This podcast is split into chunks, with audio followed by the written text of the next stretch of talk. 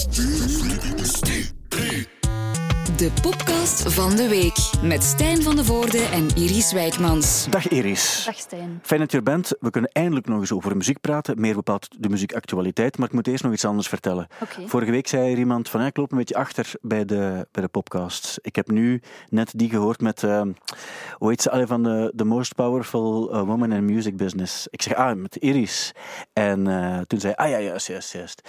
Dus mensen kennen jou ook op die manier. En terecht uiteraard ook, maar eh, het is mooi dat er toch meer, meer erkenning komt op dat gebied, denk ik. En allemaal dankzij jou. Ja, nee, dat zeg ik niet. het is gewoon een titel die, ja, soms weet je ook bijvoorbeeld, zoals die Dancing Dimi. Mhm. Ehm, niemand weet dan ook exact van, van wie is dat of hoe, hoe, hoe goed is die, als niemand het ook nog even duidelijk stelt dat dat zo is. Maar kijk, dat is bij deze ook helemaal uitgeklaard. Nu kunnen we beginnen aan de, de echte orde van de dag, zoals ze dat zeggen. En laten we beginnen met iets eh, casual, namelijk de schoenen van Kanye West. Ja. Eh, jij merkte op van, misschien moeten we het daar eens over hebben. ja, hij heeft een paar sneakers verkocht uit 2008. Dus Ja. die waren al oud. Het zijn van die Nike Yeezys. Ja. Ehm, zwart, ik vond ze persoonlijk niet zo mooi. Maar ze zijn verkocht voor eh 1,8 miljoen. En dat zijn daarom meteen ook de duurste schoenen ooit. Ja, het, eh, als ik het, want ik heb het artikel ook bekeken en het is eh, bij Sotheby's verkocht. Mhm. Ik moet zeggen, die Yeezys, ik vind dat eh, geen mooie schoenen, toch geen schoenen die ik zou dragen, maar die vielen nog mee, vond ik. Ik vind die, die nieuwe, vind ik heel, eh, vind ik niet te geloven zelfs. En als je weet dat mensen daar zoveel geld voor betalen, dan, dan denk ik van, kijk, het is goed dat we andere voorkeuren hebben, Mhm. maar ik ben blij dat mijn geld naar andere dingen gaat. Ja. Het is natuurlijk wel een collector's item. Ja, het is tuurlijk. niet om te dragen, maar... Dat, Ik- ja. Ik snap het ook wel. Ik snap het ergens ook wel dat, dat de fans gekke dingen doen om, Mhm. om, om dingen van. Maar dit, zijn, dit is geen fan, uiteraard. Het is echt een soort. Het is een sneakerverzamelaar. Ryan Cheng heeft het eh, gekocht. En het geld gaat uiteraard naar de man die het eerst gekocht had. Want hij heeft ze gedragen bij een of andere performance. Tijdens de Grammys. Ik. Grammys of zo, ja. En, en dat maakt het dan meer, nog meer waard. De Nike Air Yeezy. En toen dacht ik, ik heb ooit op Netflix, eh, ik denk dat het op, op Netflix was, een, ehm, een aflevering gezien. eh, It's the Shoes heet het, geloof ik. Mhm. En, ehm, en dat was met een man die ik herkende op een of andere manier. Ik heb ooit met Otto Jan eh aflevering van de Eberone gemaakt. En ze had gezegd van, ja, als je iets wil doen, we, we waren in New York. En zeiden van, ja, je moet naar Harlem gaan. Er, er woont een gast en die, ja, die is zo wat bezig geweest met hip-hop en met schoenen ook en zo.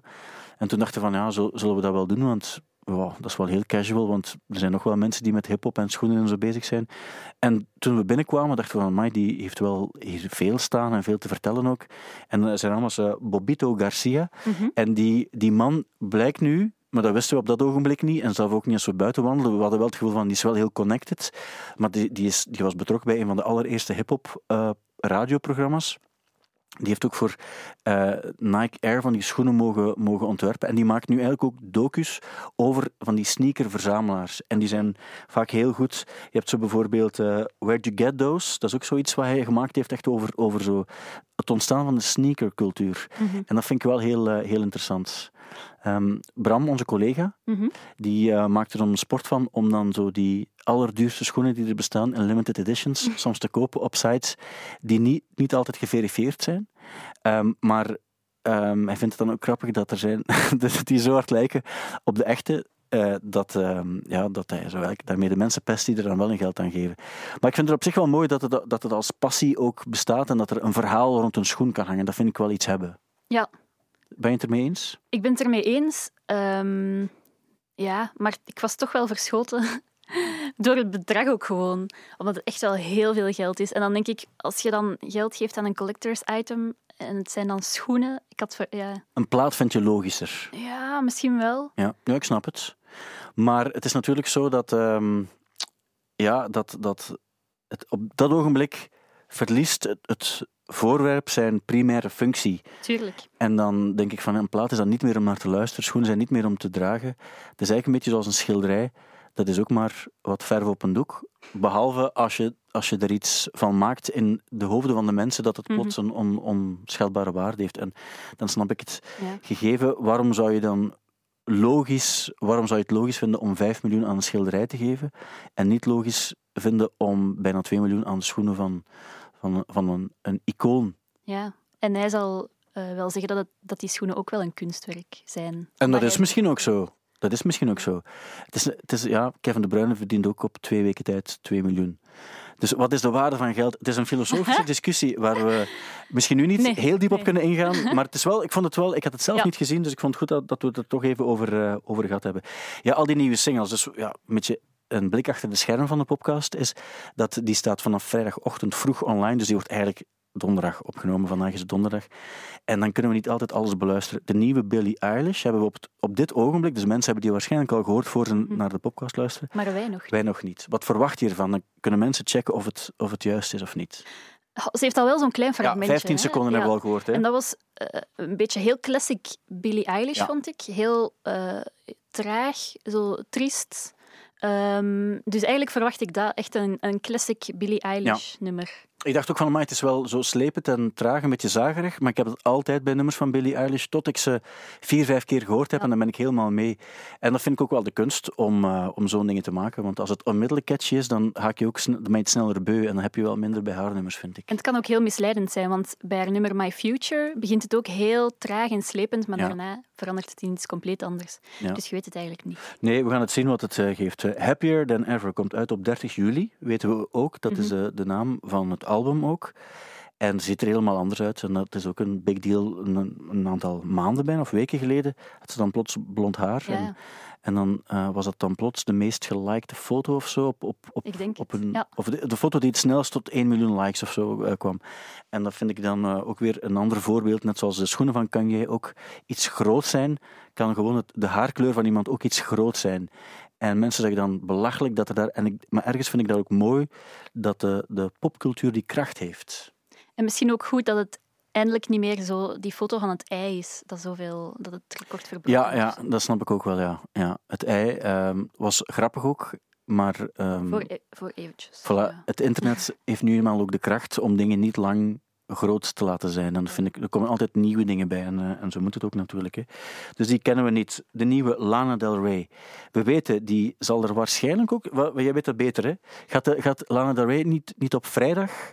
Dus op dit ogenblik, als mensen daar naar luisteren, die gaat toch ook een, nieuwe single droppen? Dat zou, zou leuk zijn, hè? maar ik weet het oprecht niet eigenlijk. Nee, Het enige ah, wat ik weet is dat ze plant om dus op 4 juli nog een extra album uit te brengen. Heel snel na het, na het vorige, Ja. wat eigenlijk ook een goede plaat was, dus benieuwd. Want dus ze heeft in maart die eh, Chemtrails Over the Country Club uitgebracht. En toen, meteen daarna, heeft ze gezegd: Ik ga nog een nieuwe plaat uitbrengen, Rock Candy Sweet. Ja. En die gaat in Ze juni- vaak, hè? Ja, ah, wel, maar die gaat in juni uitkomen, zei ze. En dan nu heeft ze gezegd: Ah ja, en ik ga ook op 4 juli Blue Bannisters uitbrengen, nog een ander album. En ze heeft ook nog ergens gezegd dat ze graag dit jaar nog een country coveralbum wilt uitbrengen. Dus Ja. eigenlijk, als ze eerlijk is, wat ik nu niet helemaal denk, maar toch, zou ze vier albums uitbrengen dit jaar. Ja, maar ik weet dat ze bijvoorbeeld bij de dichtbundel, dat heeft ook, dat heeft ook een jaar langer geduurd dan ze beweerden. Ja, en die chemtrails, dat duurde ook een half jaar langer. En, en had oorspronkelijk een andere titel ook, dus de kans dat, dat we de cover en de titel al gezien hebben is zeer klein. Maar ik vind, dat hoort ook bij haar drama, dus die, dat is typisch bij mensen die altijd te veel drama met zich meenemen. Die zeggen dan zoiets en dan, ah nee, want ik vind het toch niet goed genoeg en de titel is toch niet goed. Zo. Dus ik vind er ook wel, dat hoort bij haar ook wel, dat het waarschijnlijk allemaal niet klopt en misschien ook niet waar is. Maar ik vind ook, ehm, zo mensen als die liegen, of liegen, dat is niet echt liegen natuurlijk, als die iets zeggen dat niet waar is, dan, ehm, dan vind ik dat nog wel charmant op een bepaalde manier. Ja, en ik denk ook, want bijvoorbeeld die Rock Candy Suite, dat ze dan zou gaan uitbrengen, ehm, dat was eigenlijk een album waarin dat ze ging reageren op alle controverse die er altijd rond haar was. En Ja. ik denk dat dat eigenlijk vooral een bevlieging was ehm, met die hele chemtrails over de country club, omdat ze toen zoveel naar haar hoofd gesmeten kreeg. Ja, van alles en nog wat. En ik denk dat ze toen even in een rage wou zeggen van kijk, ik ga iets uitbrengen en ik ga jullie allemaal eens op jullie plek zetten. En dat dat nu ja, heeft even heeft kunnen rusten. En dat ze nu heeft bedacht, oké, nee, ik ga dat niet doen. Blue Bannisters, ik ga daar helemaal iets anders mee doen. En dat komt uit. Dus ik denk eigenlijk dat het Ik vind. Ik, ik vraag me dan af, als, er, als ze dan dingen in een bepaalde rage eh, beslist, want toen voelde ze zich, ja, ze wordt aangevallen om, om verschillende redenen. Bij die plaat was het toen eigenlijk omdat sommige mensen beweren dat er te weinig mensen met kleur op die cover stonden, terwijl zij zei, ja, maar ten eerste, dat is niet zo, eh, want eh, die, gaf ze, die, komt, die heeft die roots en zo, dus ze heeft dat eigenlijk helemaal verklaard ook. En dat ze dan op een bepaald ogenblik het beu is en, en wil reageren, snap ik ook wel. En dan vraag ik me af, gaat het dan bij haar liggen of wordt het dan geadviseerd bij haar van ja, maar doe dat nu niet, laat het, laat het gewoon rusten en dan maak gewoon iets nieuw. Dat vraag ik me af. Ja, bij Lana is dat ook een moeilijke, want ik denk dat we het niet gaan weten. Nee. nee, en ook, ik weet niet hoe... Ik denk dat ze zelf sowieso heel veel stuurt en zelf haar, haar creatieve richting bepaalt. Maar ik kan me ook voorstellen, af en toe heb je ook wel een soort van klankbord nodig die dan ook ja, een beetje beter, beter kan kaderen van hoe, doe je het, hoe, hoe pak je het best um, professioneel aan en, en hoe werkt het in de business en zo. Mhm. Want dat is ook een vak apart natuurlijk. Dus dat gaan we inderdaad nooit, uh, nooit weten. Um, en dan vond ik ook, misschien is dat, ik weet niet of jij het interessant vindt, maar Kings of Convenience gaan een nieuw nummer maken. Die hebben dat ook uit op dit ogenblik. En het is een uh, nummer dat ja, na elf jaar of zo gaan ze weer iets lossen. Uh, onlangs was het ook de 20ste verjaardag van die Quiet is a New Loud, wat dan eigenlijk 20 jaar geleden zo de, de, de, ook een, een, een soort van bescheiden hype was, ook van dat soort muziek te maken. Ik, ik, ben, ik vind het wel tof dat ze nog eens iets gaan maken. Um, en ik hoop dat het een goed nummer gaat zijn. Ik hoop het voor jou. Maar ik heb het nog ja? niet gehoord, dus we kunnen het allemaal nog niet zeggen.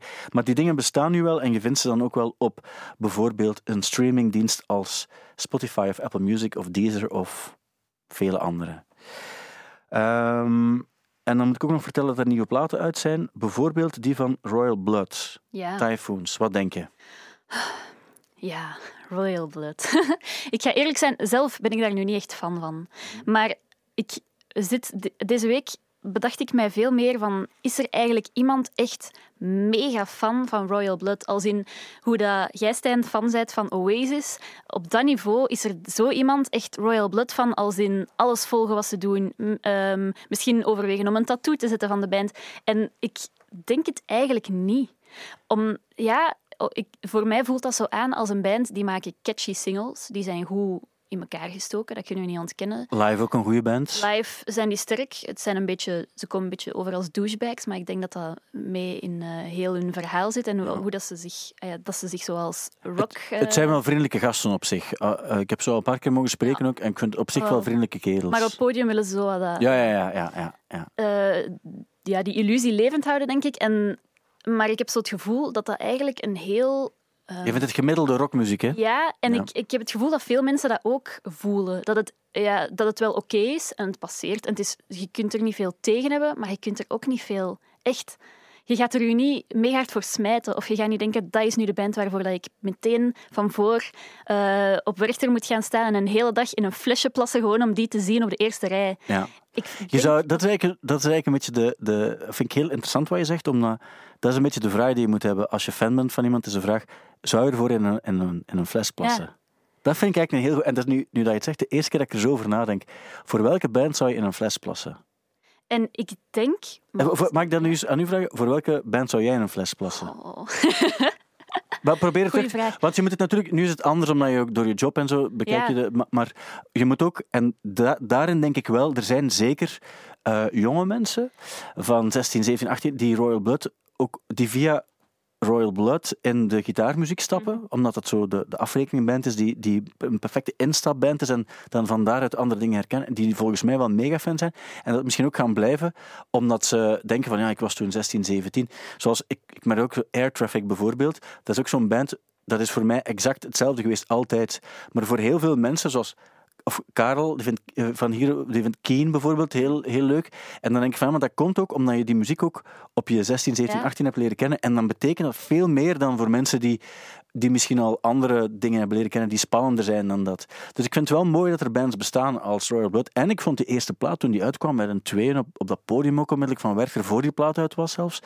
Um, ik, ik dacht toen wel van, dat is wel cool wat, wat ze aan het doen zijn. Alleen nu, nu bij de derde plaat heb je zo het gevoel van, ja, ik heb het nu al wat gehoord. Ja, exact. En ik heb ook het gevoel dat we het trucje al wel kennen. Ja. Um, en hebben... ja, voor mij is het een beetje zo een ge gezichtsloze band of zo. Hmm.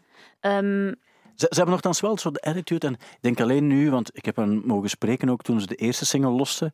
En dan kwam het hele Daft Punk verhaal erbij. Zo, en toen dacht ik van... En, en Justice. En dat, dat klopte ook. Dat leek daar ook op een bepaalde manier op. Maar het maakt het niet, niet beter in, in uh, wat ze deden. Zo. En ik denk, ze hebben ook nog niet echt zo... Ze hebben al veel goede radiosingles en zo wel. Maar ze hebben geen anthem. Uh, wat de meeste bands dan wel Ja. hebben, zo op een bepaald ogenblik. En, ehm, ja, ja ik, ik gun ze het allerbeste. En ik geloof ook wel dat ze op, ik, zou, ik vind het wel cool als zo'n band op de mainstage van Werchter speelt, want die kunnen dat ook met twee. Ja, en ze staan er ook wel terecht, denk ik. Ja. Maar eh, ja, ik vraag mij gewoon af, zweven ze voor veel mensen niet zo in de middenmaat? Zowel wel goed, maar niet mijn favoriete band ooit. Ja. Ik denk dat ze bij veel mensen daar een beetje vastzitten. En ik snap waarom. Ja, ik denk wel nog altijd dat, er wel, dat die fans wel bestaan ook. Zo ben ik ondertussen eens, ik heb eens Royal Blood Tattoo ingetikt. Want dan zie je vaak ook wel eh, nog, eh, nog coole dingen. Maar nu in dit geval zie ik het niet. Ah, ik denk, denk dat je gelijk gaat hebben. Wat mij er ook aan doet denken, eh, dat het, eh, ja, het is vandaag ook de, als je luistert op vrijdag toch, de 40ste verjaardag van eh, Justin Vernon, dus van Mhm. Bon Iver eigenlijk. En ehm, eh, Ed Sheeran heeft ooit aan Bon Iver gevraagd van, wil je eens een, een, een zin uit dat nummer opschrijven? En heeft dat dan laten tatoeëren op zijn arm. Mhm. En dan, dan weet je van, bij die man ben ik eens gaan kijken ook, als je intikt tattoo Bon Iver, zijn ik weet niet hoeveel mensen die zoiets Ja. iets van een plaat halen en, enzovoort ook. Maar dat geloof ik wel. Ook omdat, ja, hij heeft zo iets meer uniek dat je wel bij andere artiesten hoort, maar die zijn het dan vaak bij hem gaan halen, bijvoorbeeld. En bij. Royal Blood heb ik meer het gevoel dat zij eigenlijk gewoon braaf de regeltjes van de rock toepassen. Ja. En je moet zo eh, ja, leren vestjes aandoen. En je moet een beetje stoer doen op het podium. En je moet wat gitaar even erin steken. Ah ja, of basgitaar even. En dan, ehm, maar ik heb zo het gevoel dat die niet echt een heel duidelijke eigenheid hebben. Ook als ik, als ik foto's van hen zie, dan denk ik, wie zijn jullie eigenlijk? Maar ik denk wel dat ze, dat ze op een bepaald ogenblik besloten om te zeggen van oké, we vinden het tof om een rockband te hebben. En wat gaan we dan, moeten we dan zoiets heel speciaal doen? Nee, nee, we willen eigenlijk gewoon, Mhm. Gewoon, gewoon Ja. rockband zijn. En dan heeft dat ook wel iets, want je komt dan wel bovendrijven, want er zijn heel veel gewone rockbands, maar bij hen... Dus ik vind, het ook, ik vind dat we ze ook niet mogen wegzetten als... Het is echt van, van, van zeven in een dozijn. Het, nee, heeft, maar het dat heeft, wel nog, ook het heeft wel nog iets meer, vind ik ook. Ja, En- en- maar ik vind het, het is zo eh, iets meer dan degelijk, maar ook niet Ja. veel meer dan dat. Zullen we het anders gewoon goede instapmuziek noemen? Om dan naar het... Om dan van daaruit te zeggen van nou, dat is heel, heel toegankelijk en je hebt die bands nodig, die zijn mega belangrijk zelf. Dat is Muse is ook een beetje eigenlijk. Hè. Die, die gaan dan wel zo andere paden verkennen en andere vormgeving en een, nieuwe huisstijl. Ehm, maar eigenlijk, ja, misschien wel, want als ik dan kijk naar toen dat ik jong was, als in 14 jaar, was ik super grote Muse-fan. Ja. Eh, en maar ik- dan... vooral duidelijkheid, ik ben ook voor Muse, hè, want dat is eigenlijk, ik snap ook wel de vergelijking met zo de, de nieuwe Queen en zo. Het is anders, maar dat, Ja, dat klopt ook ja. wel. Hè. Ik, ik vind wel dat, dat dat is live en ook wat die maken, ja, daar is altijd over nagedacht en dat klopt ook wel. Die hebben ook wel een, meer eigenheid. Ook, dat Ah, ook wel, wel. dat bedoel ik. Die, je weet wel ergens wie dat die mensen zijn en waarvoor ze staan en wat ze willen doen. En bijvoorbeeld als tiener las ik dan super graag artikeltjes in de Joepie over Muse. En dan stond Ja. daarin dat die de eerste band wouden zijn die in de ruimte zouden gaan spelen. En zo. Ah ja, die deden nog zo uitspraken dat ik dacht van oké, daar staan die voor. Terwijl bij Royal Blood heb ik totaal geen flauw idee. Ja. Maar ik vind ook, ik vind het concept van instapmuziek ook nog wel. Bij Muse snap ik dat ook wel. Maar ik zou nooit in een, fles, in een fles eh, plassen voor Nee. Muse. Nooit. Nee. Maar ik heb er wel heel veel sympathie voor. Maar dat heb ik eigenlijk wel bij de meeste bands. Ja. Ehm, en dan, ja, vandaag ook veel oude mensen eh, die platen Mhm. uitbrengen, waar ik ook wel blij mee ben. Zo de nieuwe Teenage Fanclub komt vandaag uit. En dan eh, Guided by Voices, ook al sinds de jaren tachtig bezig. Ook nog een coole band. Ehm, Tony Allen, die brengt postuum ook nog, nog een plaat eh, uit. Ja, je hebt er nog een aantal andere ook. Zo Dropkick Murphys, voor de mensen die dat leuk vinden. En dan heb je ook nog Marion Faithful en Warren Ellis, die brengen ook veel nieuwe albums. En dat was het punt dat ik nog wilde, wilde maken. Ook. Coldplay hebben dat nu ook op een bepaalde manier gedaan. Dus via eh, de je hebt zo Alien Radio, is het denk ik? Alienradio.fm. ja. Ja. En dan hoor je dit, soort dingen. Of je kan dit horen, want het is niet Ja. gezegd dat je dit hoort. Hè? Nee, je moet dus naar de site gaan en dan zit je in een paars universum. Ja. En je moet eigenlijk frequenties gaan zoeken. Ja. En als je op de juiste frequentie zit, met je muis dan op je computer, hoort je bepaalde stemmen. Bijvoorbeeld wat we nu horen is eigenlijk een, een, een zweet die uitlegt hoe dat je Zweedse balletjes moet maken. Oké. En dan stond een nu tafel bijvoorbeeld onder een boom tegenover het huis.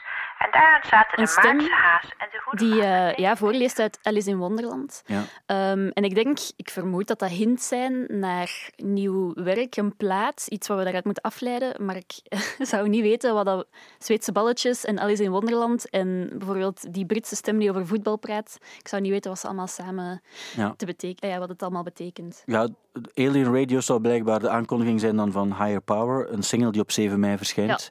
Eh, dat, dat is dan ook weer zo'n manier om het mysterieus aan te wakkeren en dan, op, je weet dan ook, de nieuwe single gaat komen. Ben je benieuwd om de nieuwe single van Coldplay te horen?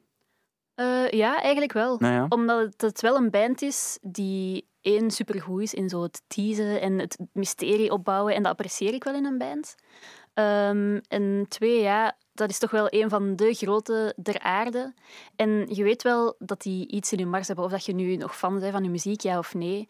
Ehm, of dat je zo ja, kamp Coldplay vroeger of kamp Coldplay nu bent of zo. Dat maakt op zich niet uit, want je bent wel benieuwd. En ik ben ook wel benieuwd wat ze nu weer gaan doen. Ik, ehm, ik had die, die laatste plaat van Coldplay, dacht ik van ja, pff, en ook zo die Chainsmokers die er dan bij komen ook en zo, dacht ik van ja, ik denk, ik weet niet zeker of ik nog mee ben, maar ik was aan gaan kijken in het Koning Boudewijn Stadion en dacht van ja, dat het Koning Boudewijn Stadion is ook wel weer zo heel groot. Maar ik dacht toen ook van, oh, ik vond dat fantastisch Ja. toen. En dat is vier, vijf jaar geleden, maar ik dacht ook van, ja, dat, dat is toch echt wat dat zo een megaband moet doen. En ik ben ook altijd benieuwd om te horen wat ze dan gaan doen, want ik kan dan zeggen, zelfs die laatste plaat bijvoorbeeld, die dan in Tunesië gaan voorstellen zijn ook, Met Stromae en... maar eh, Ja, d- ik vond het eigenlijk, ik vond eigenlijk een coole plaat. Dat, Mhm. dat is wel een, een- Als het dan gaat over de eigenheid van een band, kan je veel zeggen over Chris Martin en zo, maar dat is altijd goed gedaan. En die maken eigenlijk geen... Zelfs als die met de Chainsmokers een nummer moeten maken, dan is dat eigenlijk nog altijd wel een goed nummer. Ook al mag niemand dat dan zeggen, maar die Something Just Like This, Mhm. dat is eigenlijk als popliedje is dat nog altijd goed gemaakt. Dus ik... ehm, ik, ben, ik vond zo alleen die Viva la Vida bijvoorbeeld, wat een van de grootste hits is en live is ook. Ik vond, ik vond eigenlijk geen leuk nummer om naar te luisteren, maar ik vond allee, Live is dat live is dat super. beste, Wel, ja. voilà. Dus eigenlijk als je een mening hebt over, over Coldplay, over een bepaald nummer of een bepaalde zet of wat dan ook, en waarbij je zegt van ah, maar dit vind ik niet cool, dan is er bijna altijd een, een, een manier waarop zij of waar het blijkt dat ze eigenlijk wel gelijk hadden eh, binnen het, het gegeven superband. Mhm. En dat, dat vind ik heel cool aan, eh, aan hen. Dat ze dat nog altijd kunnen doen na, na zoveel jaren. Dus eh, voilà, bij deze hebben we dat ook gezegd. Ja, ik, moet dit ook, ik moet dit ook nog even laten horen. Ja. Het is eh, de nieuwe Noel Gallagher, die hebben we nu wel al. Eh, We're on our way now. En dan denk ik van ja, het is, eh, je bent op weg, maar naar waar? Misschien even luisteren? Ja. Remember what might have been had I walked you home.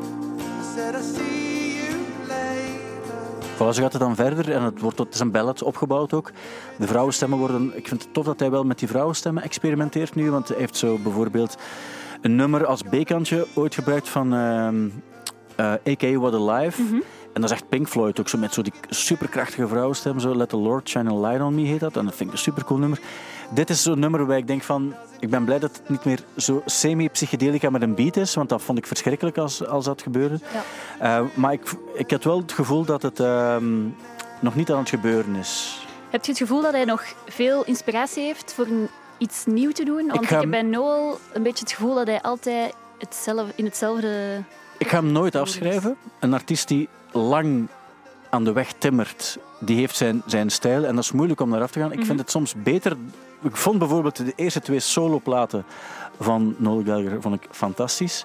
Die laatste vond ik niet zo goed, omdat hij gewoon ook... Ja, hij wilde iets anders proberen, maar niet volgens mij hetgeen waar hij dan goed in is. En dan denk ik, ja... ehm, ik vind het ben al blij dat het niet meer zo die semi Want ik ben enorm pro-psychedelische band, voor alle duidelijkheid. Maar het moet wel kloppen ook zo. Ja. En bij hem klopt dat dan voor mij dan niet helemaal. Dus is, ik vind het geen, geen slecht nummer, maar ik ben ook niet helemaal overtuigd. Snap ik. Het is, ik. Voor mij voelt het zo'n beetje alsof hij dit ook vijf jaar geleden had kunnen maken, bijvoorbeeld. het is eh, ja, nee, maar dan, dan maakt hij veel betere dingen voor mij. Dan. De eerste twee plaatsen zijn veel beter. En het is zo'n nummer waarbij ik denk van, als Iris nu met het gegeven Dead Rock afkomt, moet ik er gelijk geven. en, eh, en dat is zonde. Nu, ik zou voor hem nog wel steeds in een eh, fles plassen. Oké. Al, altijd. En- en Ik ga hem nooit opgeven. Oké. En gelooft je dat Oasis dit jaar een... eh, Nee, nooit natuurlijk. Nee, maar dat vond ik ook. Ik stoor mij daaraan aan. Dus hij, hij post op een bepaald ogenblik, stort hij op zijn eh, sociale media, eh, stort hij ze van gewoon de datum, hè, 29 april. Wat duidelijk is dat het gewoon een nieuwe nummer Tuurlijk. is. En dan, Ja. dan zie ik zo, ga ik zo eens kijken ook, en dan HLN bijvoorbeeld. Ja, en heb maar die gaan natuurlijk vaak voor een iets sens- ja, maar die, sensationeel. die weten dan ook niet, Ja. die, die pakken dan zoiets omdat ze weten van, ah ja, dat is die gast van, het is waarschijnlijk, terwijl je weet, geen enkele Oasis-fan denkt dat, dat iemand als Noel Gallagher, zonder dat Liam dan ook al iets gepost heeft, dat dat zo gaat gebeuren. Die gaan er wel, zo, zoiets gaan ze helemaal anders. Maar goed, ja, dat, dat is nu eenmaal zo. ehm. het is ook zo als Liam zat om drie uur s'nachts tweet van, eh, come on, eh, no, let's do it. Dan, is, dan doen die dat ook. Zeggen die van, er is een Oasis-reunie in de maak. Dat is niet zo, zo werkt dat niet, hè. Want dat is, dat is toch de grap aan alles, vind ik, aan het gerucht dat ze terug samen zouden komen. Als Liam zoiets zegt, weet je toch dat dat gewoon een mop is. Maar ja, ik, ik heb hem nu ook... allee, dus het, eh, het was de halve finale, of de eerste halve finale wedstrijd van Manchester City tegen, eh, tegen Paris Saint-Germain. En ze hebben dan gewonnen ook. En dan is het plezant om Liam te volgen ook. En je ziet, hij, post dan over de match, over die Neymar er een blijter is en die Maria is een blijter. En dat klopt ook allemaal, want ik dacht net hetzelfde. Maar je ziet ook gedurende die wedstrijd hoe zatter hij wordt, hoe extremer hij gaat in zijn, in zijn tweets. Maar de fout die je dan niet moet maken, is om ze serieus te nemen ook. Dus dat, ehm, maar het is plezant wel dat, dat het dan toch gebeurt. Beetje sensatie in 2021. Ja, en een beetje onzin, goed geplaatste onzin, daar, daar gaan we toch niet, niet kwaad om zijn, Nee. denk ik. eh. Goed, maar dus het, het blijft nieuwe nummers regenen. Mhm. En dat heeft ook wel iets, want dat wil zeggen dat als artiesten, ik weet niet hoeveel nummers beginnen lossen en beginnen teasen, wil dat ook zeggen dat ze geloven dat ze binnenkort weer live kunnen gaan spelen. En dat vind ik dan wel weer vrolijkheid Ja, uitstralen. zou mooi zijn. hè. Ja. Eh, Ik, ja, ik zou het, ik zou het mooi vinden. Ehm, ja, de muziek is niet altijd mooi. Je hebt ook dit, kregen we te horen. Je herkent, ja, ja, je herkent Travis Barker. En ja, ja, het is de dochter van Will Smith. Ehm, maar als je dit er niet bij vertelt, dan gaat niemand dit... Allee, gaan weinig mensen dit noodzakelijk heel hard aanvaarden als een sterke rocksingle, denk ik dan. Wat denk jij? Ja, ik zag, ik zag het online verschijnen ehm, dat Willow een single had gemaakt met Travis Barker. En ik dacht, weer iemand die voor Travis, Travis Barker is gegaan. En ik vraag mij gewoon af waarom. Ergens snap ik het misschien wel, omdat zo, dat zijn nu allemaal jonge artiesten. Ehm, en één, ja, Travis Barker is al een beetje ja, een, een veteraan in het genre of zo. Ehm, plus, dat is wel een genre waar als jong persoon, daar blijft je wel ja, aan vasthaken of zo. Dat is zo'n genre waar dat je goed je frustraties op kunt losgaan, Ja. laten gaan. Dus ik snap het ergens wel, zeker ook omdat als ik tiener was, vond ik ook alles van oude muziek cool, omdat je zo denkt van wow, ja... Vroeger, dat was super cool en je zit zo naar cd's van, van je pa te luisteren en zo. En dan denk je van oké, dat, is, dat is goede muziek. En dan later besef je van ah ja, nee, oké, dat is gewoon een, een vorm van muziek. Ja. Ehm, dus ja, ik vind het zo ergens gek en ergens ook niet gek dat heel veel jonge artiesten ineens naar Travis Barker beginnen grijpen. Ja, ik zeg ook, ik heb zo een- overzicht van de mensen waar hij nu mee samengewerkt heeft. En ja, dan zo Lil Peep en Machine Gun Kelly en Youngblood en Lil Wayne en Pharrell, Lupe Fiasco. Dat zijn dan zo figuren die dan, waar hij dan... Hij wil andere dingen proberen ook dan zo zijn typische punkrock eh, verleden. Dus ik snap het ook wel. Maar ja, wat, dit nu bijvoorbeeld, dan denk ik, eh, dat is niet... ja, ik, dat mag allemaal bestaan zo, maar dit, als je het... Dat is ook weer leuk als je 16, 17 bent. ook, Ja, ehm, al wel, want ik, toen ik het hoorde, eerst dacht ik wel van oh, ik vind het een beetje jammer voor Willow, want ik vind dat haar stem hier totaal niet tot haar recht komt. Nee, maar... En, Maar twee, ik moest wel meteen denken aan zo Paramore en de nummers die ik als tiener super cool vind. Het deed mij daar wel aan denken, dus ik snapte het ergens nog wel. Ja, ik, ik hoorde deze... eh, Dus toen het in de ochtend voor het eerst gespeeld werd, mochten mensen een mening geven ook. En Paramore en Avril Lavigne en zo werden dan gegeven. En ik dacht, ja, maar... Ik snap ook wel, want toen jij Paramore leuk vond, was jij, was jij 14 of zo ook. Mhm. Maar ik denk ook, ik was, ik was een pak ouder en dan besef je... ehm, en niet dat het erg is, maar dan besef je ook van... Maar weten de mensen wel hoe slecht Paramore eigenlijk is? dat is ja, maar ja, historisch. misschien is dat gewoon... eh, Dat is instapmuziek, hè? Dat is ook zo toch? Ben je het Eh, ermee eens eigenlijk dat dat instapmuziek is? Ja, ja, want nu vind ik dat niet meer goed. Ah, ja, ik ben het dan eh, een paar maanden geleden nog eens terug gaan luisteren, gewoon omdat ik benieuwd was. En één, je merkt, ja, natuurlijk, hoe dat, dat, Ik had geprodu- afzet ook, sorry. ja. hoe dat, dat geproduceerd is en zo, dat is ook allemaal zo wat oud. En nu hoort je ook echt van, oeh, dat is eigenlijk toch niet zo heel goed gedaan. Maar langs de andere kant maakt dat nog altijd wel zo een, een nostalgisch gevoel in je los, waar dat je toch heel blij van wordt. Ook al vind je dat nummer, als je het nu voor de eerste keer hoort, niet echt goed. Ja. Ehm, maar ik... Ja, dat maakt het daarom niet ineens slechte muziek of zo. Want Nee, toen dat je een, voilà. een tiener werd... En dat vind ik dan zo jammer, dat je dan ineens zegt van ah, als een tiener het goed vindt, is het slechte muziek. Want dat is niet waar. Nee, dat vind ik denk ook niet. gewoon Dat- dat wij er anders naar luisteren, een andere leefwereld hebben, eh, andere emoties hebben, andere ge- ja, gevoelens hebben bij muziek, waardoor dat wij gewoon minder eh, kunnen eh, ja, relaten met die muziek of zo. Ehm, maar dat betekent niet dat het daarom slechte muziek is. Dat is gewoon dat, we, ja, dat wij nu ons... ja, hoe zeg je dat? Ver- verbinden met andere soort emoties en muziek. En onze leefwereld is nu helemaal anders. Maar daar ben ik Ehm. het volledig mee eens ook. Maar het is alleen wel zo dat, de, als ik weet ook de muziek waar ik naar luister toen ik, toen ik 14, 15, 16 was. Er zitten dingen bij waarbij ik, waarbij ik nu nog altijd denk van, ah, ik vind dat nog altijd goed. En ook dingen waarbij ik denk van, ja, nee, daar, daar heb ik niets meer mee. Maar op dat ogenblik wel. En dat vind ik dan ook, dat, ik zou ook nooit verloochenen, maar je ziet dan wel dat er vaak bepaalde trucjes gebruikt worden in die muziek, die dan een soort van formules zijn ook, waarbij je weet van, ja, dat is ook ehm, makkelijker om, om, om te aanvaarden als je zo net met muziek... Dat is net zoals, ja, dat is dan zoek een vergelijking, maar als je... ehm, als als je zo de, de, je moet altijd zo het WK bijvoorbeeld, kijk je dan naar de matchen. En dan, dat zijn dan de grote matchen met de grote spelers. Zo. En daarna, als, als dat je eerste toernooi dat je bekijkt, dan ga je daarna misschien ook nog andere ploegen willen volgen die dan ook een specifieke voetbalstijl hebben of zo. Dan ga je denken, oké, dan kan ik daar wat dieper, wat meer info. En dan ga je bepaalde dingen interessanter vinden dan andere. Maar dan groei je er ook een beetje in of zo. Dat is misschien niet de allerbeste vergelijking die ik nu geef, maar ik denk dat dat bij muziek ook wel zo is. Je hebt altijd iets eenvoudig nodig, dat hopelijk wel goed gemaakt is, want eenvoudige liedjes kunnen ook mooi gemaakt zijn. Vind ik niet het geval van Paramore eigenlijk, want, maar dat is dan ook weer persoonlijk. Maar dan denk ik van, een- eenvoud is wel is nog altijd heel... heel eh goede eenvoud is heel veel waard, hè. Dat, vind ik ook wel. Maar ja, je hebt gewoon... Sommige muziek is voor tieners en dan, dat is, is niets mis mee. Maar dan denk ik wel, het is wel, wel voor tieners en dan vind ik het wel zonde.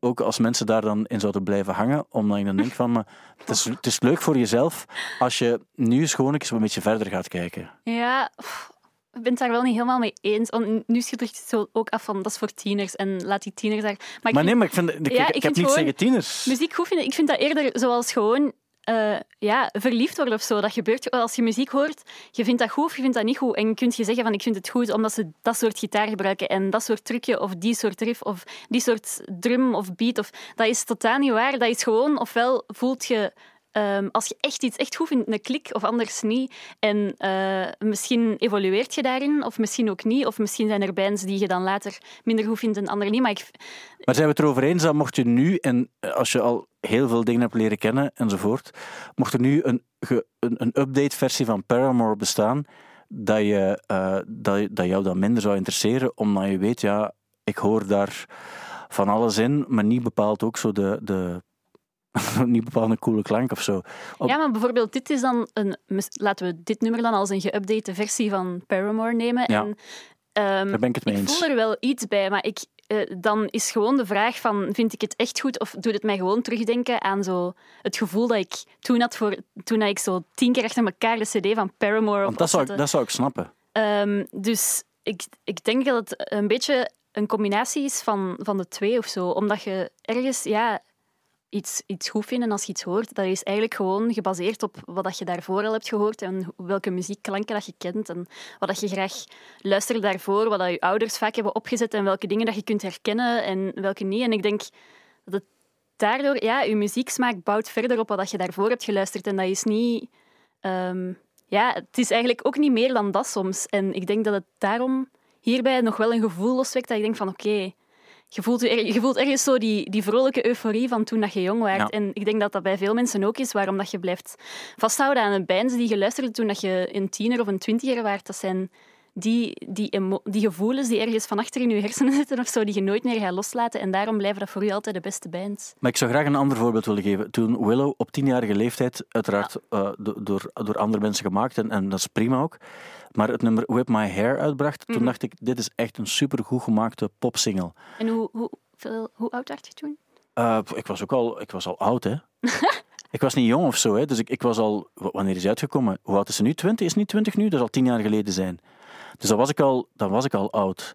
Maar dan, dat is objectief kan je dan toch soms ook een nummer beter inschatten in, in hoe goed is dat nu gemaakt, in originaliteit en in hoe dat, dat klinkt en die vibe rond zo.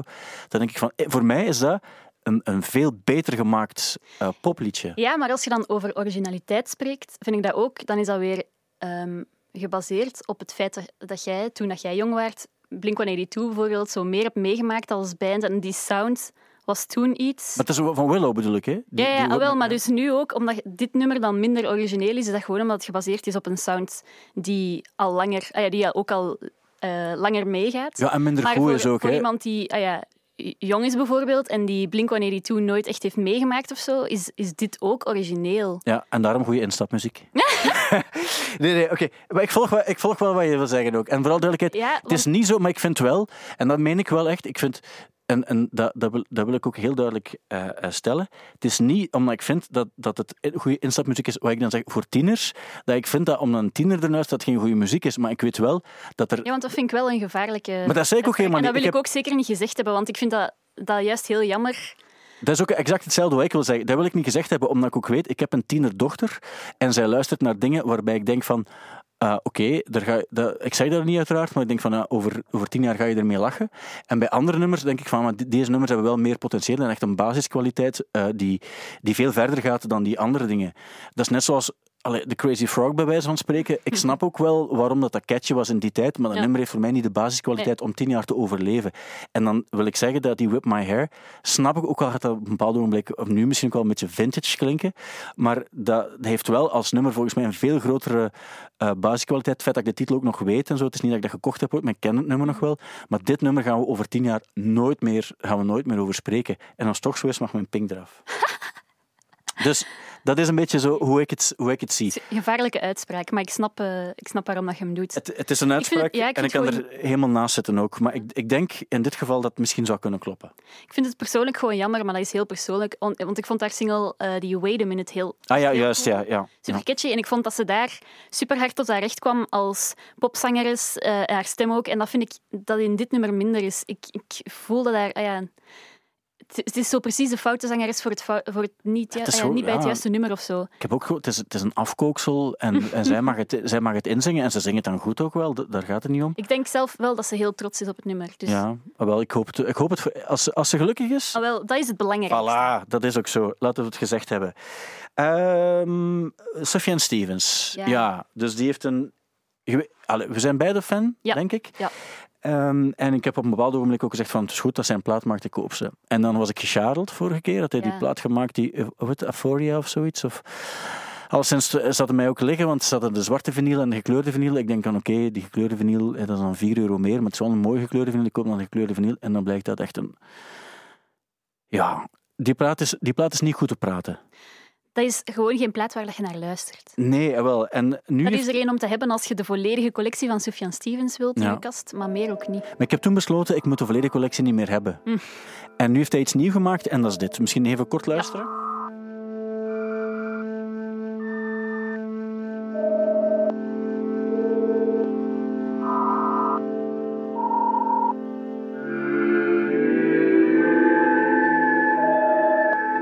hebben een beeld. Ja. Ehm, het heeft te maken met een, eh, nieuw, een nieuw album. 6 juni verschijnt Convocations. En het is een, eh, hij heeft het nu ook duidelijk gezegd, wat vorige keer niet helemaal het geval was, dat het dus echt meditaties zijn om naar te Mhm. Ah, luisteren. oké. Want ik heb begrepen dat een, een plaat was opgedragen aan zijn overleden vader. Ja, maar dat was die vorige ook al. Hè. Ah, ja. Dat was die vorige ook al. En eigenlijk de mooiste plaat die hij dan voor zijn, voor zijn mama heeft gemaakt, die, Ja. was die, die Laurel en, eh, zo, ja, zoiets. hè. Vind ik wel een heel mooie plaat. Zo. Die is echt fenomenaal. Denk ik van, hij vond zijn ma leuk, want er heeft een mooie plaat voor gemaakt. En zijn pa vond hem precies ook niet zo heel cool dan. Ja. Allee, nu ben ik aan het overdrijven. Of, maar... of misschien snapt het gewoon niet gewoon dat zijn pa dan overleden is en Ja. dan is dat iets met mediteren en naar hogere sferen gaan om hem te bereiken. Er zal misschien een filosofische ja. uitleg aan, aan vasthangen, maar pff, ja, elke keer als, als ik een artikel zie verschijnen over Sufjan Stevens heeft nieuwe muziek uit, dan ben ik echt super blij en dan ga ik dat luisteren en het is zo de laatste jaren dat je echt 60% kans hebt om teleurgesteld te zijn. Ja, het is waar. Ik denk ook, als ik een, een artikel zie over nieuw werk van hem, dan scan ik altijd op, als er ergens zo ambient of zo staat, of Ja. geluidskunst of zo, dan denk ik, oh la maar nu, nu gaat hij mij niet meer liggen hebben. Hij, heeft het al, heeft het al genoeg gedaan, denk ik dan. Eh, ja, ik zei het al, eh, Justin Vernon wordt vandaag, als je op vrijdag luistert, toch 40 jaar. En Father Joe Missy wordt maandag 40 jaar. Aha, Daarom ga ik in mijn, in mijn eh, selector show op maandag ga ik Ja. mijn top 5 spelen. leuk. Ik ga nu al zeggen, eigenlijk zijn het zes nummers, want ik heb er ook nog een Fleet Foxes bijgestopt die hij ingedrumd heeft. Maar ehm, ja, ik, ik, ik vind zo... Als het gaat over Bon Iver bijvoorbeeld, dan heb ik zo het gevoel... Voor mij is dat eigenlijk... Die eerste plaat zijn mij niets. Die, Mhm. die voor Emma, dat deed mij echt ook niets. Ik vond zo die Skinny Love en zo... pff, dacht, dat, voor mij persoonlijk, dat deed mij niet. Maar ik vond het eigenlijk altijd maar beter en beter. En ondanks het feit dat het zo iets elektronischer werd, vond ik het beter. Terwijl bij mij is het meestal omgekeerd. Dat ik de, maar bij hem vind ik het eh, alleen maar interessanter worden. Dus ik hoop dat het... En ook het feit dat hij dan vanuit zo het verhaal van het... eh, ik zei een, een plaat in een bus of in een kaban in de... Mhm. in, in- ehm, geëvolueerd is naar zo met al die, met al die wereldsterren, Eminem en, en, en Taylor Swift en Kanye en zo samenwerken, vind ik wel een heel interessant parcours op 40 jaar tijd. Eh, ja, ik ook. Zijn eerste plaats vond ik nu persoonlijk zelf ook wel heel goed. Ja. Ehm, maar misschien... ehm, Dat is een meisjesplaat, hè? Mag ik dat, zeggen? dat mag ik niet zeggen. Nee, dat mocht je zeker niet zeggen. Dat vind ik ook totaal Ik weet een, het. juist een foute Ik- uitspraak. Wel, daarom dat ik ze misschien alleen maar... Ik heb ze alleen maar gedaan tegen jou om jou te pesten, want ik, toen ik het zei, wist ik wat ik zei. Oké. En eh, dat het om te lachen was, hè? En, ja, Dus ik, en ik bied mijn excuses ook bij deze aan. Want, er- want ook, want ook eh, bepaalde jongens kunnen daar met plezier naar luisteren. Nee. dat is ook niet juist gezegd, hè? ja, En toen ik het zei, wist ik het ook. ja, Ehm, dus ik wist dat ik, dat, ik, dat ik het niet mocht zeggen, dus het was om jou te pesten dat ik het zei. is dat zo? ik vind het een plaats voor mensen die van muziek houden. Ah, Is het, eh, dat is fair, denk ik. Maar nee, ik ben vooral ik ben echt wel, echt wel pro. Ehm, maar ik vind het in zijn songschrijven alleen maar interessanter geworden. En mhm. als je het wat er, in al die bands die hij daarvoor ook heeft, heeft gehad, zo die Mount Vernon en dat soort dingen, hij heeft een, een, ja, die is al lang bezig met, eh, met liedjes schrijven Maar op daar een het wel, succesvolle eh, manier. Ja, daar ben ik het wel mee eens dat ik zijn weg heel interessant vind. Ik vind dat zo'n artiest die op elke plaat wel zichzelf, naar zichzelf kijkt en denkt van oké, hoe, ga ik, eh, hoe ga ik dat aanpakken? Wat wil Ja. ik er nieuw insteken? En dat vind ik wel cool aan een band of een, of een artiest gewoon te cool, dat hij zijn eigen sound super duidelijk heeft, maar toch elke plaat opnieuw zichzelf volledig eh, kan vernieuwen of zo. Ja. Ehm, dat vind ik heel goede artiesten die dat kunnen. Ja, en het ook goed doen, want heel vaak denk ik, ah, zo- zonder dat je vernieuwing hebt gezocht. en ik snap het, hè, dat is een persoonlijke zoektocht en als artiest moet je dat kunnen doen. Maar denk van, ah, je had gewoon exact in diezelfde sfeer een plaat moeten maken. Ja, maar, Maar- dan zou je dan zeggen bij die plaat van pff, het is hetzelfde als vorige keer. Maar ik heb dat dus niet. Nee? Nee, dat is heel raar. Ik vind, dat is bijvoorbeeld, Elliot Smith is voor mij een supergoed voorbeeld. Elke plaat is exact dezelfde stijl, maar die nummers zijn altijd goed en daardoor blijft het ook goed voor mij. Maar dan moet je het ook wel echt goed doen. En er zijn weinig artiesten, denk ik, die hetzelfde kunnen doen en altijd bunker op. En voor mij zijn dat dan de allergrootste. Oké. Allee, op een bepaalde manier, nu vooral duidelijkheid, ik heb het nu een beetje overdreven ook, want ik vind het ook wel cool als, als ik zeg het, als mensen een, een goede plaat maken in een andere stijl. De Beatles hebben dat ook gedaan. Hè. Als je de rode en de blauwe beluistert, ja, de rode, dat is zo de popmuziek die ze moesten maken. Met de blauwe zijn ze gaan experimenteren, maar dat is dan experiment voor de jaren. Wat toen experiment was, maar nu klinkt dat nog altijd Ja. allemaal grotendeels als allemaal goede nummers. Dus ehm, ik vind dat ook wel zo. Nu, als ik zou moeten kiezen tussen de twee, en ze worden nu beide 40, eh, zou ik gaan voor de, voor de Father Joe Misty Ja, trip dat dacht ik wel. omdat ik die combinatie van zo echt perfecte nummers maak, maar ook met, vaak met die strijkers en, en ook eigenlijk popmuziek, met teksten die ook wel heel... Ik denk dat ik me soms een beetje stoor, maar dat is ook heel persoonlijk uiteraard, hè, aan de, de Bon Iver teksten. Denk va- vaak, ja, ik vind dat zo gemakkelijke poëzie, Mhm. is niet juist. Allee, voor mij klinkt dat zo, dat is niet zo, hè, maar voor mij klinkt dat soms zo. Terwijl bij hem vind ik de, zo dat... dat cynisme, eh, ironie, ehm, maar ook gewoon wel, ja, ik, ik, ik, eh, ik vind dat geniaal gemaakt soms. En live vind ik dat ook zo goed gedaan. Ook zo, heeft zo een plaat gemaakt, is ook op Spotify, met zo'n live eh, eh, orkest in Hamburg. Ja. Ik vind zo'n cool gemaakte plaat. Ja. Ja. maar ik volg wel wat je zegt, omdat zo Bon Iver, ik luister niet naar zijn teksten en ik vind zo de melodieën en, en wat hij daarmee doet, vind ik super mooi. Terwijl bij Father John Misty ga, ga ik ook wel sneller naar zijn teksten luisteren. Want er zijn bepaalde artiesten waar de teksten mij niet veel interesseren en bij hem is dat wel het geval. Ja. Ehm, omdat je ook weet dat hij altijd wel iets te vertellen heeft op zijn eh, bepaalde manier. Ehm, Hij zegt heel veel dingen die hij niet meent ook. ja. In interviews ook, hij liegt constant. En, en vaak hebben mensen het ook niet door, omdat... het- Ja, en daarom denk ik een beetje dat de reden waarom ik voor hem zou kiezen, vooral dat ik heb heel veel sympathie voor beide, eh, maar hij is een beetje voor mij de, de underdog. Omdat gaan naar een, bij wijze van spreken, een, hip- een hippe eh, koffiebar en je zal Bon Iver horen, maar je zal zo goed als nooit Father Joe Misty horen. Terwijl dat ik denk van, ja, maar dat is, dat is hij voor mij persoonlijk minstens zo goed. Ehm, maar ja, de, de, Ja. eh, waar- je weet eigenlijk niet waar dat zijn ja, karak- karakter, eh, zijn typetje eigenlijk eindigt en waar Ja. dat de echte Father John Misty begint. Bij hem vloeit dat in elkaar over. En Ja. dat vind ik ja, eigenlijk gewoon grappig om te zien. Hij is, hij is zoiets wat ik nooit zou kunnen zijn. Los van het feit dat ik uiteraard geen talent heb voor muziek. Ehm, maar ook als mens, hij is, zo, hij is echt een artiest zo. Mhm. En die blijft ook, dat is ook zo, die gaat ook nooit iets verkeerd dragen in zijn kledij.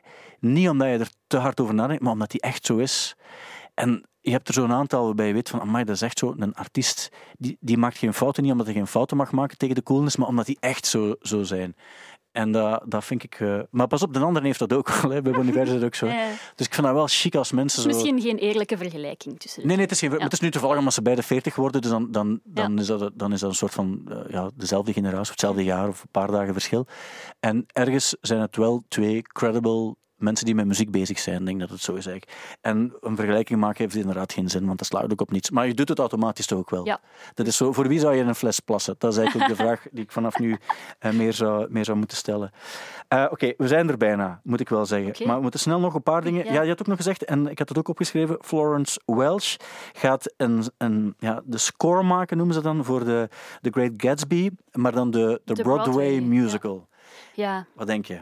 Oh, ik haat musicals. Ik haat musicalmuziek. Ik haat naar een musical kijken. Ik, als kind apprecieerde ik dat nog, maar, maar nu echt, ik haat, ik vind de muziek verschrikkelijk. Ik vind eh, het verschrikkelijk dat iedereen daar op het podium staat met van die fake huge smiles. Dat ik, oh, ik word daar zo wat ongemakkelijk van. Eh, Ik vind de muziek ook gewoon nooit goed. En ik heb eh, zo, toen dat ik vroeger als kind muziekschool deed, heb ik zo zangles gehad. En dat waren ook altijd musical liedjes die je mocht zingen. En ik vond dat verschrikkelijk. En ja, zo, hoe dat die hun stem gebruiken. Ah ja, ik wil daar zeker niet... Want dat is, ah ja, is echt wel een skill en een kunst. En niet veel mensen kunnen dat. Maar voor mij gewoon persoonlijk is dat... Ik, word daar gewoon ongemakkelijk van. Dus ik denk, oké, Florence... eh, ja, ofwel moet ze gewoon heel de musical redden voor mij, met daar iets compleet anders van te maken. Ofwel wil ik het gewoon niet horen, denk ik. Ik, ehm, ik volg je maar deels in deze. En ehm, ten eerste moet ik zeggen, haat is een lelijk woord, Ja, eh, Iris. maar in deze vind, is het echt... Maar ik zeg het ook soms. Oh. Ik zeg het zo, het is een, het is een eh, reactie en ik begrijp het ook wel. Maar ehm, ja, ik ben ooit eh, op Broadway naar Frozen the Musical geweest. Oh. En ehm, dat is voor mij ook een soort van onvergetelijke ervaring geweest, omdat dat is zo plastic en zo ook. Maar zoveel mensen hadden er plezier aan. Mhm. En ik dacht toen ook van, wat moet ik hier nu van vinden ook? Want dat was spectaculair qua kostuumwissels en zo. Uiteraard vond mijn dochter dat ook heel plezant. En dat was de reden waarom ik er was. Maar ehm, ik dacht toen ook wel... Het is goed dat het bestaat, want zoveel mensen zijn hier nu... Mhm. ah, staande ovatie en zo. Hè. En, Maar zeker. En, en ik, Maar het heeft ah niet zoveel met muziek te maken, denk ik ook. Het heeft meer te maken met het show-element. Ja. En ik denk dat het dat vooral is. Ja, exact. En ja, want ik wil zeker niet zeggen van het, het is slecht of zo, want dat is het niet. Maar het is gewoon echt niet voor mij. Het is een vak apart en het is niet ons vak, denk ik. Ja, echt En, niet. en ik denk voor veel mensen ook instapmuziek. Om op die manier via Disney popmuziek te leren kennen. Goh. Ja, misschien. Voor sommige mensen misschien. Weet je, wat- maar ik snap wel de link met Florence. Want als ik Florence op een podium zie en die zingt zo die The Dog Days Are Over en zo, Mhm. dan heb ik soms zin om naar haar te gaan om, te zeggen, om die zo bij haar arm te pakken en zo een beetje mee te trekken. En dan kijk, en nu gaat dat wel rustig zijn. Ja, maar ergens snap ik ook het, wel, omdat zij is heel goed in ehm, emoties in haar show steken. Als ik naar een show van haar ga kijken, zijn er altijd mensen aan het wenen. En Ja. dat, dat is ja, persoonlijke smaak en je gaat Ja. het daar niet mee eens zijn, maar ik Ja, nee, nee, wel... maar nee, ik, ik, Ja. ik knik van ja. Ah, wel, ik zie altijd mensen wenen. En dus dat zegt ook al wel iets, dat, dat je een skill hebt, ehm, dat voor musicals misschien ook echt wel eh, ja, van pas kan komen. Dat is wel drama. Eigenlijk is dat, Florence, dat is, drama, hè. En Lana Del Rey ook. En dat is een persoonlijke keuze. Ik zou dan aan in het Lana-kamp. Dat volg ik. Dat is, dat is mijn drama. Omdat het dus zo, zo hard over is, dat, dat ik het niet meer geloof. Bij Florence ben ik een beetje verplicht om het wel te geloven en heb ik niet graag. Want ik geloof dat ook niet dat je dat elke avond met hetzelfde... Dus het probleem bij mij bij emoties live is dat, je, dat ik niet geloof dat een artiest die live toert, dat, elk, dat is niet menselijk ook om dat te doen, dat elke avond zo kan voelen.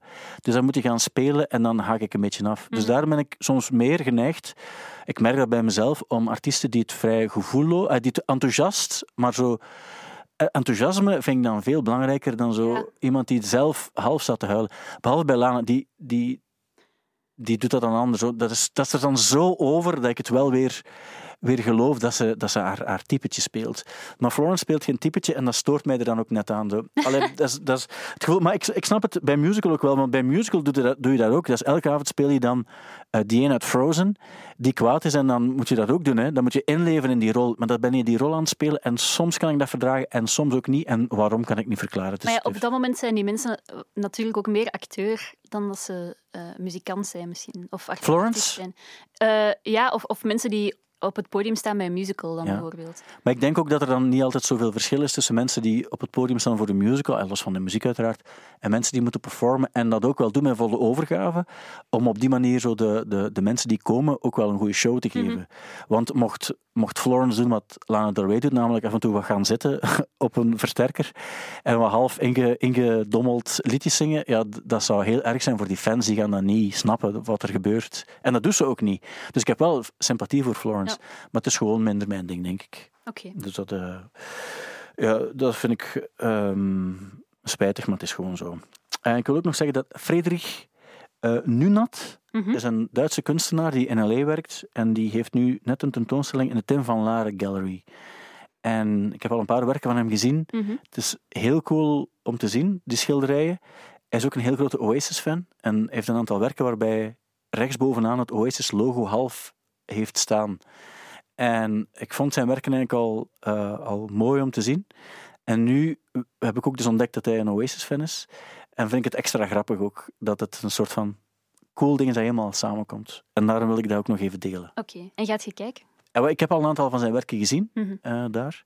En ehm, ja, ik wil, nog wel eens, eh, wil ik nog wel in volle glorie eh, zien. Want het is eigenlijk het is gratis ook om, om eens te gaan kijken. En ehm, het is een coole kunstenaar. Het is echt, het is echt, het is soms funny ook, omdat hij heeft soms van die, van die gewone landschappen zo, lijkt dat, maar met, met heel mooie kleuren bij. En dan staat er plots ook zo een Donald Duck of zo bij. Of dat mannetje van On the Beach van Neil Mhm. Young ehm, staat er dan ineens opgeschilderd ook. Maar het is een, ja, ik vind het heel, eh, heel mooi om te zien. Dus eh, als je niets te doen hebt dit weekend en het regent, Dan kan je eens gaan kijken. Oké. Ja, als je dat eh, zou willen, uiteraard. Maar goed, de laatste vraag die ik jou wil stellen, Iris, is welke nummer mogen we spelen en waarom? Ehm, ja, ik wil graag een nummer spelen dat ik eigenlijk al heel eh, de afgelopen weken non-stop aan het luisteren ben. En ik wil het nu nog eens luisteren. Oké. Eh, en het is Send Me van Tirza. Ik weet niet of je Tirza... Nee, ik ken het niet. Ja, dat is een, dat is een Britse... Maar ik vraag, is het, ja. het is niet zoals die... Je hebt vorige keer heb je een nummer laten horen waar heel veel mensen eh, niet goed van waren. Die, waren eigenlijk zo, die konden het verschil niet meer maken tussen de seizoenen en de windrichtingen toen ze het hoorden. het, is, het is echt letterlijk het tegenovergestelde. Ah, oké, oké. ja. Eh, want het is eh, een Britse sing- ja, singer-songwriter, artieste, eh, pop, indie, popachtig eh, figuur. Ehm, en ik ken haar al een aantal jaar. En hetgeen wat ik bewonder aan haar is hoe dat ze heel minimalistische muziek maakt. Als in, ze neemt een heel basismelodietje dat je zou denken van, dat is bijna kinderlijk zelfs. En ze gaat daarmee aan de slag. En ze speelt heel veel met klank en melodie. En dat vind ik super mooi aan haar nummers. Het is echt iets wat je gewoon eh ja, s'avonds in je zetel kunt zetten en er gewoon naar kunt luisteren. En met dit nummer, ik vind het zo prachtig. Ik heb het echt al elke avond zitten opzetten, omdat het, het is bijna, als je tien keer naar elkaar hoort, het is bijna mediteren. Je hoort er zo ja, het, is heel kalmerend, ehm, heel troostend ook. Wat ik misschien ja, de laatste tijd ook heel aangenaam vind. En je kunt zowel 's ochtends opzetten, ik kan ermee gaan slapen, ik kan ermee opstaan. Ehm, dus ik vind het gewoon een supermooi nummer. En daarom dacht ik, we moeten dat in de podcast draaien. Heel goed. Je hebt de mensen ook warm gemaakt nu. Dus ik, eh, ik ben blij dat ik het mag spelen en zelf ook voor het eerst zal horen. In dit geval. Dus eh, laten we eh, met volle overgave een volledige kans geven aan Tirza met het nummer Send Me.